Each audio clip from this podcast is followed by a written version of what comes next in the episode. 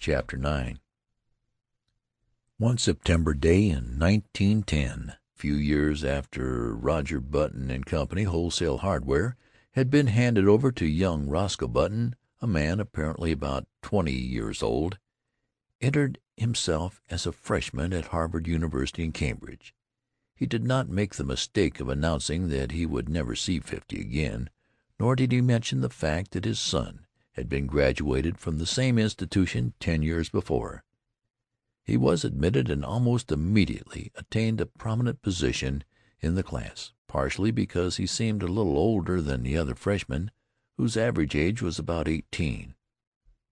But his success was largely due to the fact that in the football game with Yale he played so brilliantly, with so much dash, and with such a cold, remorseless anger that he scored seven touchdowns and fourteen field goals for Harvard, and caused one entire eleven of Yale men to be carried singly away from the field, unconscious. He was the most celebrated man in college.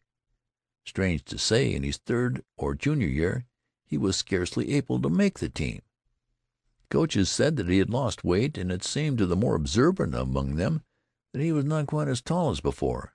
He made no touchdowns. Indeed, he was retained on the team chiefly in hope that his enormous reputation would bring terror and disorganization to the Yale team. In his senior year he did not make the team at all.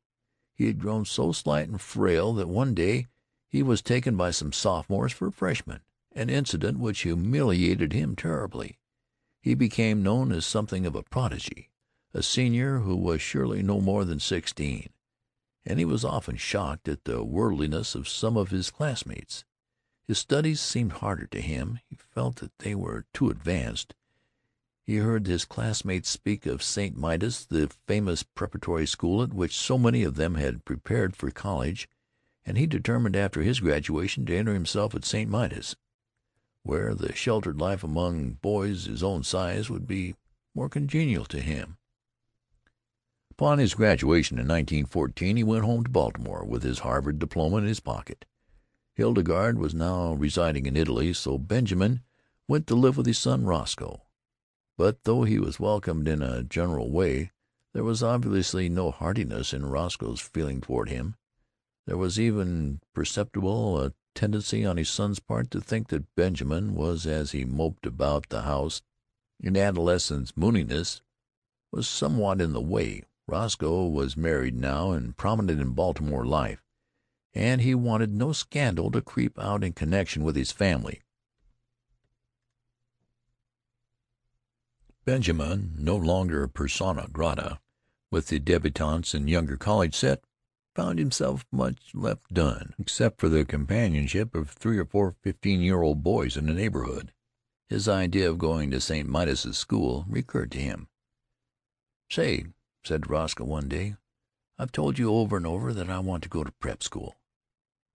"Well, go then," replied Roscoe shortly. The matter was distasteful to him, and he wished to avoid a discussion. "I can't go alone," said Benjamin helplessly. "You'll have to enter me and take me up there."